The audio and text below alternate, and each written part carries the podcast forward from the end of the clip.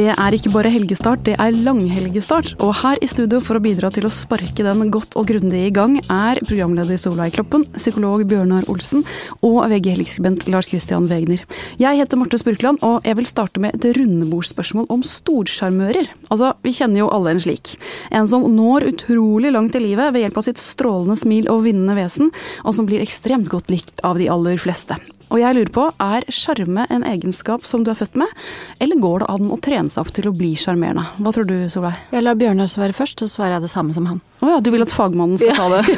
Jeg tenker, ok, Greit, Bjørnar. Da. Jeg, jeg prøvde også å se på forskning eh, på det her om dagen, og det var ikke skrevet veldig mye rundt det. Men altså, sjarm er jo på den ene måten liksom sånn lykkeamulett. Altså, det er noe sånn magisk ved det også å ha sjarm. Det er noe som liksom overgår din egen personlighet, så du kan liksom lure den andre til å like deg mer enn det du egentlig gjør.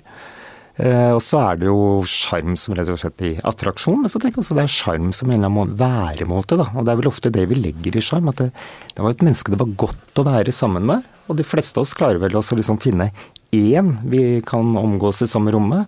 Men liksom så gå inn og være sånn Robbie Williams og liksom ta liksom 70 000 som det mest naturlige ting i verden, det er nok mye vanskeligere å lære seg. Mm. Lars Kristian, du har jo møtt uh, mange personligheter gjennom hele journalistkarrieren. Uh, tror du at sjarmen er naturlig, eller er det en egenskap som de har trent opp? Jeg tror, jeg, jeg tror vel at jeg vil si ja takk, begge deler. Altså, noen er jo unektelig sjarmerende i seg sjøl. Eh, og så tror jeg det er noe man kan lære seg. Fordi alle har jo vært i et selskap en gang og eh, sittet ved sida av noen som ikke viser deg interesse i det hele tatt.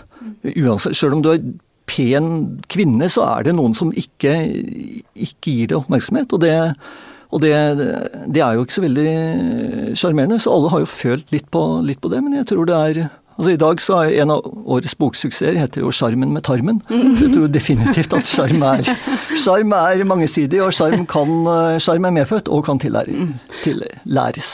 Solveig, da vi hadde sånn uh, seminar i vår redaksjon for å tenke gjennom hvilke norske kjendiser som har sjarm, så var ditt navn det alle var enige om. Oi. føler du deg selv som en ytterst sjarmerende person? uh, jeg tenkte på det på vei hit, at det er bare det å takke ja til å komme hit og snakke om eventuelt egen sjarm er jo litt usjarmerende. men så nei, jeg går ikke rundt og tenker på meg som veldig sjarmerende, men jeg tror det, hvis noen da oppfatter meg som sjarmerende, så tenker jeg at det kanskje handler om at jeg har en liksom medfødt nysgjerrighet og um, et relativt liksom lyst sinn som hjelper meg på vei. Og så tror jeg etter hvert at jeg er blitt eh, ganske sånn trygg i meg selv, sånn at jeg kan eh, Jeg liker å la andre komme til. Jeg har ikke så stort markeringsbehov lenger. Nei. Mm. Det er gått over det voldsomme som mm. du hadde før. Mm. Ja. Men altså, din kollega Stian Blipp han sier jo at uh, enten så er man emosjonelt død, eller så blir man sjarmert av sola i kroppen i løpet av de første par minuttene man møter henne. Er det, sånn, føler du at du liksom, er det noe du skrur på? Er det en egenskap som du bruker når du er ute på jobb og skal få alle mulige folk i tale? Uh, nei. Uh, men det Nei, ikke sånn at jeg tenker sånn nå skrur jeg på sjarm, nå må jeg være sjarmerende, men det jeg mm, kjenner, er at jeg skrur på en sånn slags tilstedeværelse. At jeg liksom tenker at nå må jeg bare være i denne situasjonen og møte dette mennesket. Um, ja. jeg, jeg, kan av og til tenke nå må jeg ikke være så usjarmerende. nå må jeg liksom legge av meg noen ting, og så får oh, ja. jeg prøve å liksom venne meg ordentlig til denne personen. Og, eh, hva tror du Bjørnar? Altså, dette er jo litt igjen litt i sånn psykologfagfelt. Går det an å skru av og på? Ja, til en viss grad så kan man jo det. Og så tenker jeg at det har noe med Det høres ut som du har fått, altså Solveig har fått mange erfaringer med at den måten å være på i verden åpner opp muligheter. som hun får trent da, på en ferdighet hun har hatt fra kanskje fra liten av, eller den kom litt senere. Og det er vel, altså Jeg liker liksom det engelske ordet 'presence'. Det mm. der med at man får sånn nærvær hos den andre, at man blir plutselig sett. Og det er jo heldigvis så mange måter man kan bli sett på. da. Det kan være at man har gjort noe kult, det kan være at man er morsom, det kan være at man har rare klær. Altså, er, men plutselig så trer man fram for noen. Og da virker jo sjarmen. Og så er det noen uh, typer uh, presence som reiser lettere, da. Skjønnhet er jo sånn åpenbart noe som reiser lett. Uh, innflytelse, makt, kjendisstatus er også en sånn greie som gjør at mange får et nærvær da, i livet ditt. Så, men alle har vel et eller annet vi kan øve oss på å ta i bruk litt oftere. Det kan være et smil. Det kan være humor. det, det, kan være skikk og bruk. Liksom, altså vi, mens vi går rundt og har sosial angst i det store og hele hele tida, så, så liksom det å dempe den, og derfor kunne være litt mer naturlig. Ja, for Du snakka om tidligere altså de som står på den scenen og sjarmerer store menneskemengder. Eh, men er vi da litt mer over på karisma, mens sjarm er litt mer sånn én til én? Altså du setter deg ned og prater med en person og får den personen til å føle som om den er viktigst i verden. Jeg tror det i hvert fall er en sånn forskjell. Hvis du tar liksom sånn der The Game, den sjekkeboka som var for noen år siden, så, så, så merker man liksom at det er en sånn strategi som ligger bak den hele tida. Det blir noe usmakelig med det. Da er, du inne på det usjarmerende ved å bruke sjarmen sin. Men så har du den andre biten. altså et barn er jo bare sjarmerende i seg selv. Når det liksom sånn stråler mot deg med et smil, så det, alle smelter. Det, så det er jo liksom en veldig naturlig menneskelig. Alle har vært sjarmerende i hvert fall én gang i livet. så, så, går vi glipp av det etter hvert. Så det tannløse gliset, eller uh, nærværet eller nysgjerrigheten, er det som vi nærmest uh, kan bruke som synonymer? Ja, bare tenk på sånne bilder av sånne gamle værbitte menn. ikke sant? Du, du, smelter jo totalt når du ser det. liksom Det er et levd liv, det er noe ekte ved det. Eller en gammel dame i en leilighet hvor det er et helt liv liv rundt seg. Altså det er en veldig sånn troverdighet. Du får en veldig sånn ro i nærværet, og det tror jeg kanskje er noe med sjarm. Du får en ro og trygghet i nærværet av den andre. Ja, hva, hvilke følelser du gir den du er sammen med, rett og slett? Ja, jeg tror sjarmen er kanskje ja. det at du demper den andres forventninger om du skulle prestere så mye av og til. Altså. Ja, men jeg lurer på hva Marte du skrur av når du mm, tenker at nå skal jeg være min, nå skal jeg være ikke så usjarmerende, for jeg opplever jo ikke deg som usjarmerende, men hva er det du ja, tenker du vet, på da? Når du raser inn på kontoret, da, ikke sant? du har slengt barna i barnehagen og liksom kasta dem av ved skolen, du løper av gårde tusen ting du skal rekke, har nesten ikke tid til å si hei til noen. Det er da jeg kan stoppe meg selv og si sånn jo, vent. Eh, grunnkurs i medmenneskelighet. Du sier hei. du drar ikke barna sånn etter deg langs altså, Jeg kan ta meg selv og overstyre noe av de der eh, stress, stressmønsteret mitt, da, f.eks.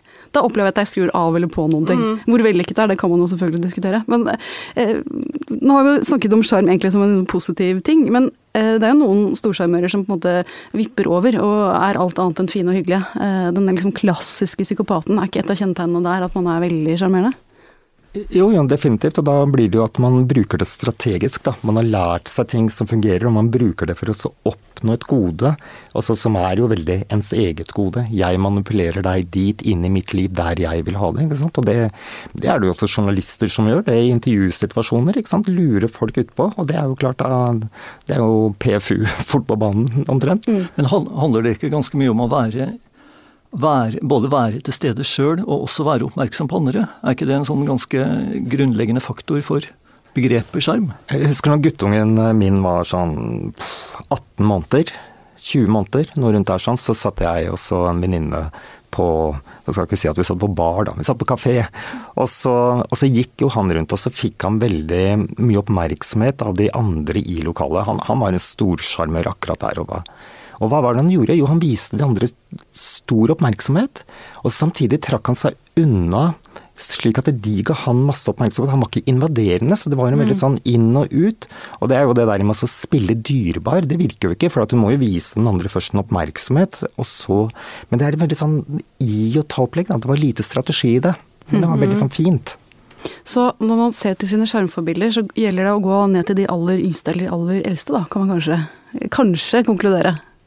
Det er litt lenge å vente hvis du skal vente til du blir 80 før du blir sjarmert. det, det gjør jo ikke noe om du gjør et forsøk tidligere. Nei, men det er jo trøst at det er et håp, da, i helt ja, ytterste enden. Men du kan prate med bestefaren din eller bestemora di, så kan det hende hun har noen tips. Altså. Mm.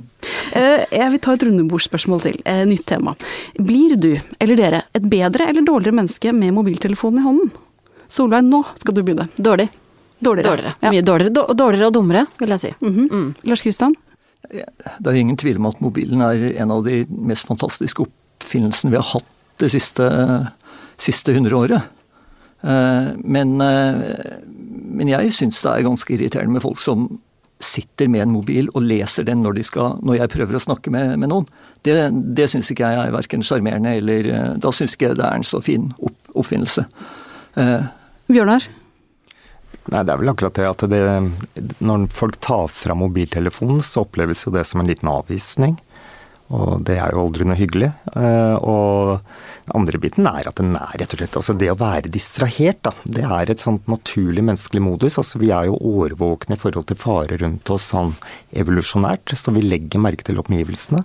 Vi er lette å distrahere? Ja, kjempelette. Det er, det er det mest naturlige. Det trenger du ikke øve på. Det å være konsentrert, det trenger vi å øve på. Og den mobiltelefonen, da, eller den smartphonen, den har en, har en mulighet til å distrahere oss i ett og alt. Vet dere, vet, ja, vet dere, hvor mange ganger i løpet av et døgn vi tar på telefonen vår? Gjennomsnittsmennesket. Ikke si det. For det er ganske, det Jeg ble overrasket. Jeg fant en undersøkelse, en britisk undersøkelse fra i fjor som sier at gjennomsnittspersonen gjør det hvert tiende minutt ca. Dette er i løpet av døgnet, altså ikke i løpet av den våkne tiden, men i løpet av døgnet. Og så er det da den yngre garde der nede i sånn femte-sjette minutt, og de eldre voksne mennesker, sånn 40-åra, er oppe i sånn tolvte-trettende minutt. Eller eh, noen sier 100-150 ganger i døgnet. Tar du på den, da? Eh, og hva er, som, hva er, det som, skjer med oss da? Altså, på hvilken måte går det utover de eh, hjernefunksjonene våre? Om det går utover hjernefunksjon, det er kanskje å dra, dra, til vel mye. Også, men, men, det gjør noe med oppmerksomhetsspennet vårt akkurat der. Og, og, vi mennesker vi er dårlige til å multitaske. Eh, så når vi går ut av én arbeidsoppgave, eh, så bruker vi tid til å vende tilbake til den. Så det er ikke noe god idé å la barn og unge få lov til å sitte med mobiltelefonen og face eller skype samtidig som de gjør lekser. Én ting av gangen, det er trikset. Pluss at jeg tenker at vi går glipp av noe vesentlig. Vi, vi gir oss aldri vi, vi, har jo aldri pause. Vi sitter ikke på bussen og bare ser ut av vinduet lenger. Da er det oppe med telefonen og sjekke VG-nett, liksom. Og der er det jo ikke så mye. Hva? jo, nei, men eh, jeg tenker at vi har behov for pause. Ja. Det er ganske godt dokumentert. Eh, rotter, når de løper sånn i labyrinter da, og skal lære seg ting, så, så, viser det seg at de rottene som da blir plassert etterpå i sånne løpehjul, i ny mm. aktivitet, de lærer labyrintene raskere enn de rottene som får hvile. da. Og Anne Kast eh, Vestli hun kalte jo dette for måpetid. Hun var jo bekymret den gangen for barn som ble plukket opp rett etter skoletid og kjørt, at de hadde aldri pauser. da. Så den måpetida hvor barnet sto og lurte på hva søren er det som kommer til å skje nå, det er nettopp den tiden vi trenger for å befeste minner, befeste lærdom, roe oss ned. Så det, det, er viktig å ta vare på. Men du sier jo i VG Helg at det også skjer noe med folks empati. Vi blir rett og slett dårligere på å være menneske av dette her.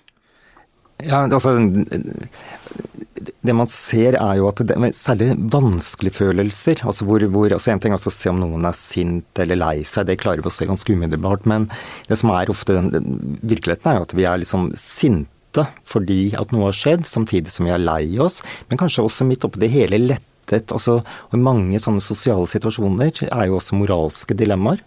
Og da krever det en langsomhet å gripe den situasjonen. ikke sant? Det er jo det det terapeutiske rommet ofte er. ikke sant? Det er en langsomhet som hverdagen aldri tilbyr, til å reflektere over hva som skjer.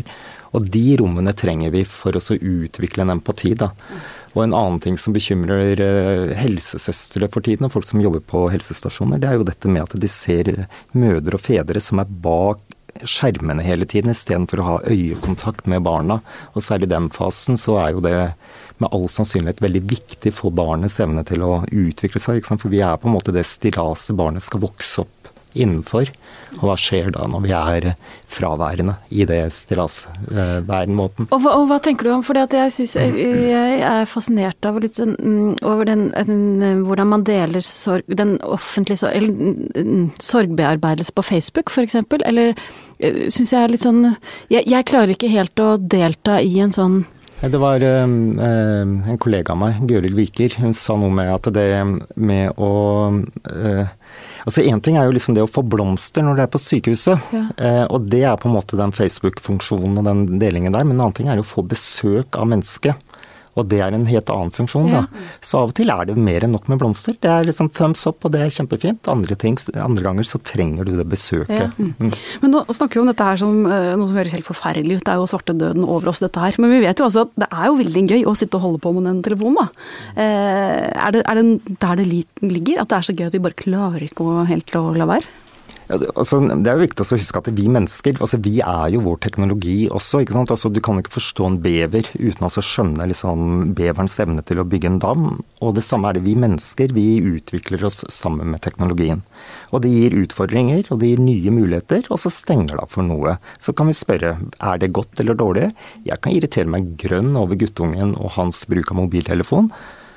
Men altså, jeg vokste opp i en tid hvor liksom tilbudet var sånne pocketbøker på bensinstasjoner vi var ute og reiste. Uh, og, så det er ikke bare vanskelig, eller det er ikke bare problematisk. Men jeg, jeg liker å skille mellom løse og tette nettverk. da. I løsete nettverk, typisk jobbrelasjoner, så er det bra å ha disse dippedungsene og uh, kunne ha et bredt sosialt nettverk. Det skaffer deg jobber, kontakter. Men det går utover nære nettverk. da. Venner, familie som du trenger. Og det, det nære nettverket det trenger vi for å bygge på en måte det psykiske immunforsvaret vårt. da. Mm. Ja. Og så tenker jeg én ting til barna går glipp av nå. Eh, enten De kjeder seg jo ikke. eh, enten så er det på organiserte aktiviteter, eller så sitter de og spiller eller holder på med mm. andre ting. Og barnets kjedsomhet er jo veldig annerledes enn vår kjedsomhet. Ja. For vi sitter liksom og kjeder oss grønne over at vi må vaske ned huset eller fylle ut reiseregninger. Barnet er jo der fordi det ikke har noe å gjøre. ikke sant? Og det er jo noe av det vi hadde satt aller høyest på lista ja, over ønskemål. Ja, hva er det vi skal gjøre da? Skal vi nekte oss selv og barn også å ha, ha denne digitale tilgangen? Skal vi på avvenning? Skal vi løse kryssord for å stimulere huet på andre måter? Jeg tror eh, det er eh, De fleste av oss fikk mobiltelefon for 15-20 år siden. Eh, smartphones kom for 7-8 år siden inn i livet vårt. Dette er ny, ny teknologi. Og vi, vi, har ikke, ikke sant? Altså Min erfaring med det er jo ikke noe lenger enn ungdomserfaring med det, eller barns erfaring med det. Eh, så vi må nødt til å liksom lære oss skikk og bruk underveis. Og så er det sånn som all teknologi at det, det vokser bare inn i livet eh, vårt, og så plutselig så ligger det da en mobiltelefon på alle bord. Hvorfor skal liksom mobiltelefonen ligge framme på kafébordet? Eh, for noen år siden var det helt naturlig når man var ute på byen at det lå røykpakker overalt foran på mm. bordet. Nå tenker vi at det er en uvane. Kanskje man vil bare liksom finne andre måter å gjøre det på, da. Altså hva er vanen og hva er uvanen? Og det er jo litt forskjellig fra menneske til menneske.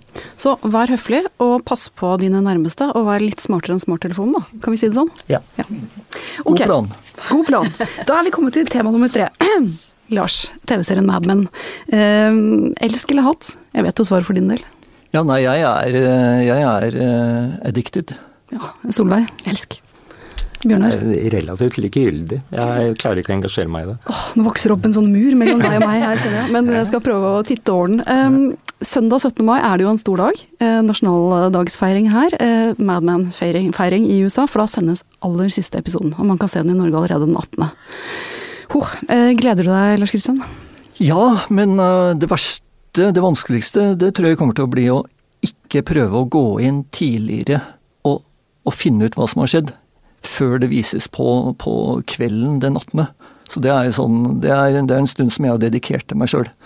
hvor skal alle, du sitte? Hvor, hvor skjer den? I, I sofaen hjemme. Eh, jeg håper at alle andre i huset er enten ute eller har lagt seg, eller i hvert fall er stille, for dette er, det er en det er stille hellig. stund for meg. Ja, ja. Mm.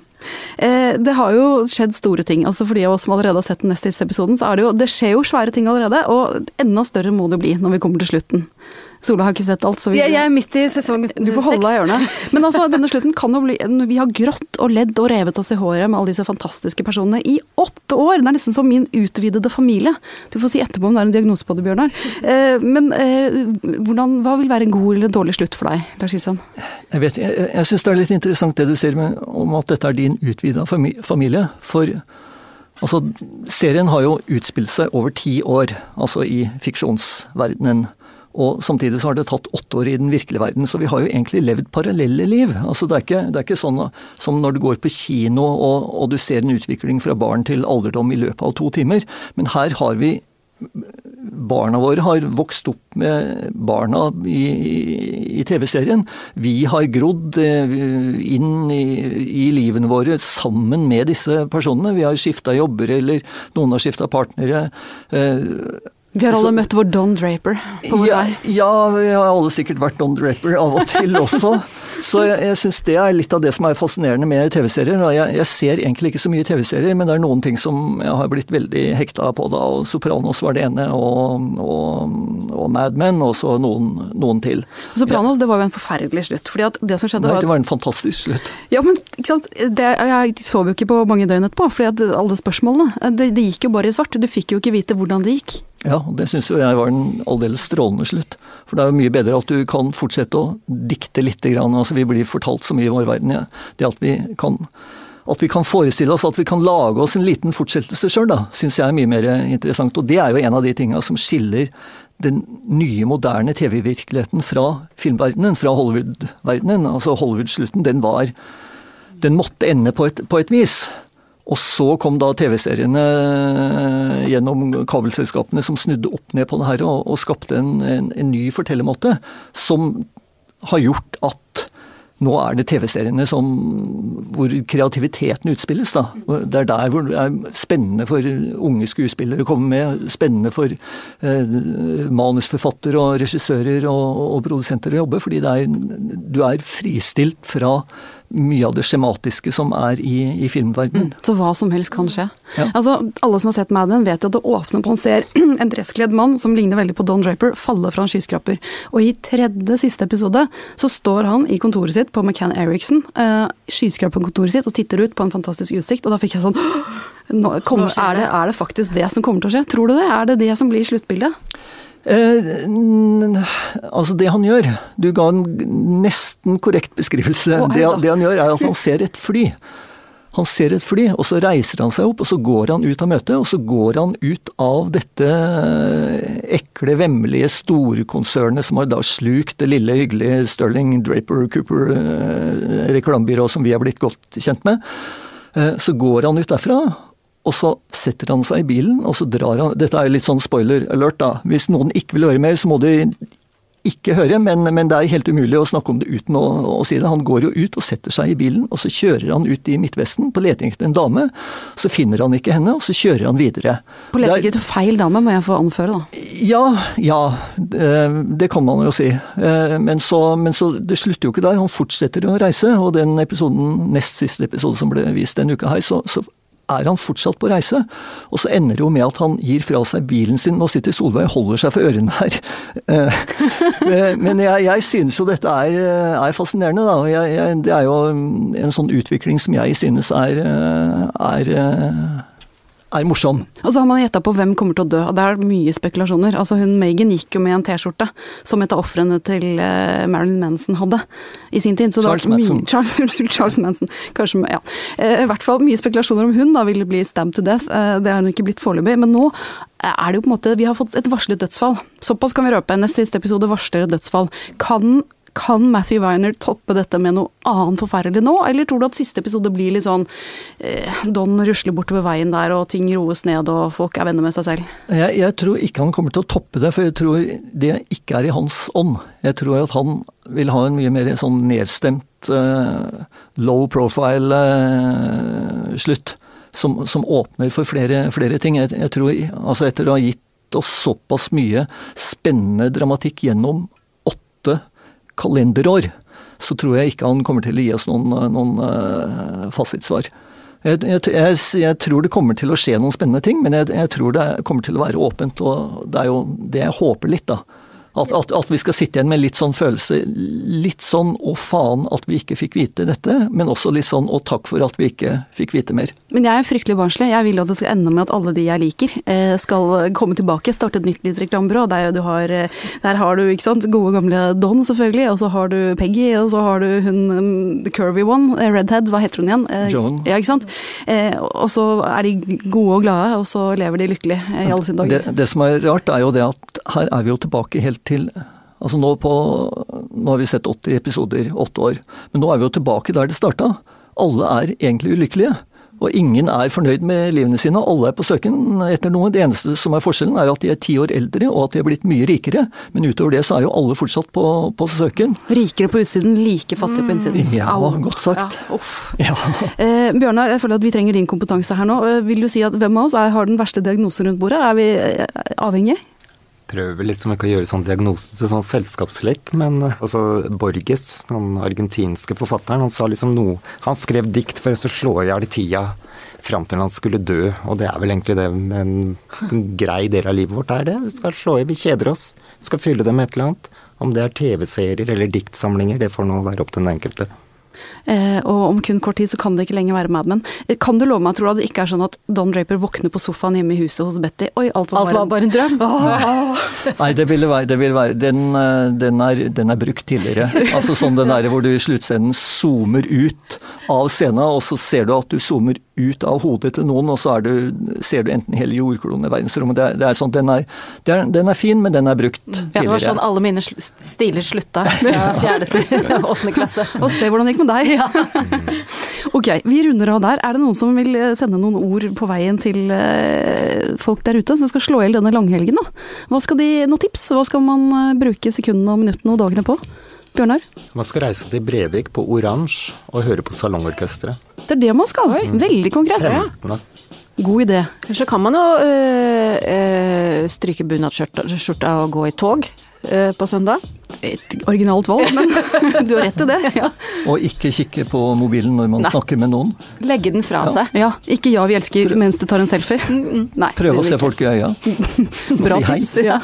Og for de som ikke har fått nok TV-serieprat nå, så kan jeg bare minne om at vår kusinepodkast Popkorn de snakker med Raymond Enoksen, som er komponist av eh, film- og TV-musikk. Og de kommer også til å snakke om eh, åpningen av Mad Men, så det er på en måte sirkelen sluttet hvis dere også hører på dem denne helgen.